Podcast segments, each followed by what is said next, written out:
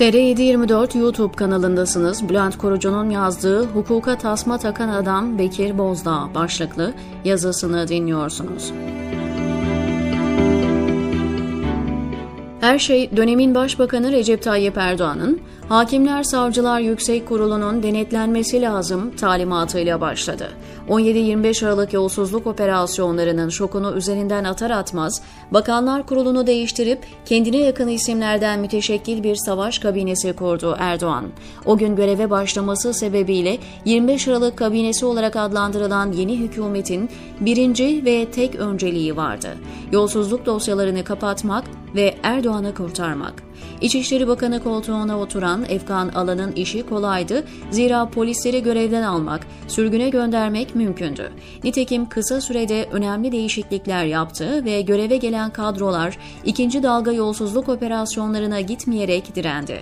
Hukuken buna imkan yoktu ama artık kanunlar ve anayasa onları bağlamıyordu en zor iş yani Adalet Bakanlığı görevi Bekir Bozdağ'a düşmüştü. Bağımsızlıkları anayasa ve uluslararası bağlayıcı metinlerle güvence altına alınan hakim ve savcıları görevden almak, sürmek, dosyalardan el çektirmek hiç kolay olmayacaktı. 2010 anayasa değişikliğiyle birlikte HSYK kendi kendini yöneten bir yapı haline gelmişti. Böylesine zor bir görev için neden Bozdağ tercih edildi? Sadece küçük bir anekdot bu soruyu cevaplayabilir. Erdoğan, kızlı erkekli öğrenci evlerine tedbir alınacak dediğinde Bülent Arınç hatta Yalçın Akdoğan bile karşı çıkarken Bozdağ, öğrenci evleri tedbiri yaşam tarzlarına müdahale değildir ve cizesiyle safını belli etmişti. Talimata göre bir gün ak dediğini ertesi gün kapkara diyebilecek biriydi. Yani yargıya tasmayı takacak en ideal isimdi. O da işe kendi savaş kabinesini kurarak ve HSYK üzerinde bir otorite olduğunu ilan ederek başladı. HSYK bürokrasisinde yaptığı değişiklikler ve çıkarılan kanunun anayasaya aykırılığını herkes biliyordu. Hatta dönemin Cumhurbaşkanı Abdullah Gül, anayasaya aykırı ama Anayasa Mahkemesi baksın diyerek göndermiş ve hukuksuz operasyon için zaman kazandırmıştı.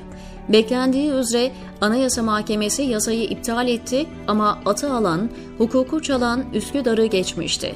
Anayasa Mahkemesi yapılan hukuksuz işlemleri iptal etmeyerek aslında pasif destek çıkmıştı. Hakkını teslim edelim, Akrabayı Koruma Kollama Partisi işlevini de ihmal etmemiş, kardeşini bakanlık yüksek müşavirliğine getirmişti. Bozdağ, HSYK'yı bloke etmeyi başardıktan sonra tamamen ele geçirme hedefi için kolları sıvadı. 2014 Ekim ayında yapılacak HSYK seçimleri bakanlık bürokratlarının tek işi haline geldi. Başlarken Yargıda Birlik Platformu adıyla bir çatı örgüt kuruldu. Örgütün başkanlığını yürüten ve sonra Yargıtay üyeliğiyle ödüllendirilen Ankara Cumhuriyet Savcısı Abbas Özden, bakanlıkla içli dışlı hallerini inkar etmek bir yana matah bir şey gibi anlatıyordu. Şu cümlelerle teslimiyeti ilan ediyordu. Bakanlık, yargı bürokrasisi dışında değildir. HSYK sicil ve atama yapar. Onun dışındaki her şey bakanlık tarafından yapılır. Maaşlarımızın ödenmesinden adliye düzenine kadar.'' 16 bölgede bütün hakim ve savcıların katılması mecburi tutulan toplantılar düzenlendi. Birçoğuna bizzat Bakan Bozdağ katıldı. Sadece bakan da değil, tüm üst düzey bürokrasi bu liste bizim mesajını açıkça vererek resmen seçim kampanyası yaptı. Devletin bütün imkanları önlerine serildi. Yemekler bile valilik bütçesinden ödendi. Yargı Sen ve Yarsav üyeleri toplanacak salon bulamazken Yargıda Birlik platformu özel otobüsler, eskortlu konvoylar, lüks salonlarla motive oluyordu. Bunlarla sınırlı kalsa iyi, şantajlar ve rüşvetler de havada uçuşuyordu. Karşı grupların listesindeki adaylar cazip kariyer vaatleriyle ikna olmazsa paralel ilan edilmekle tehdit ediliyordu. Cumhurbaşkanı Erdoğan ve Başbakan Ahmet Davutoğlu da fiilen seçim çalışması yapıyor, bir gün havuç gösterip ertesi gün sopayla korkutuyordu. Mustafa Şentop'tan İlker Başbuğ'a varıncaya kadar herkes sahadaydı. Ama ağızlarındaki baklayı Mahir Ünal çıkardı sonunda. HSYK seçimlerini 17-25 Aralık operasyonlarını yapanlar kazanırlarsa gayrimeşru sayarız.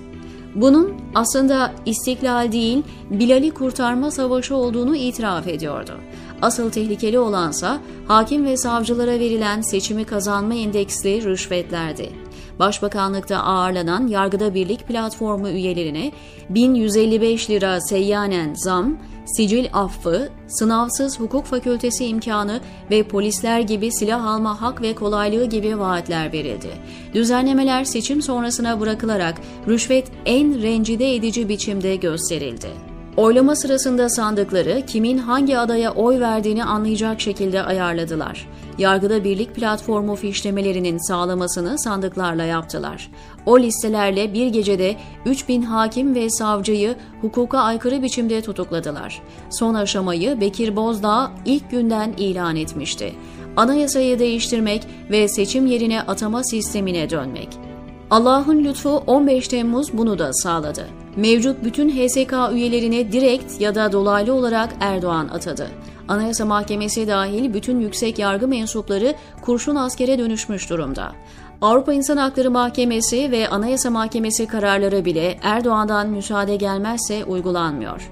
Her bir hakim ve savcı bir Bekir Bozdağ'a dönüştü, diyor Bülent Korucu TR724'deki köşesinde.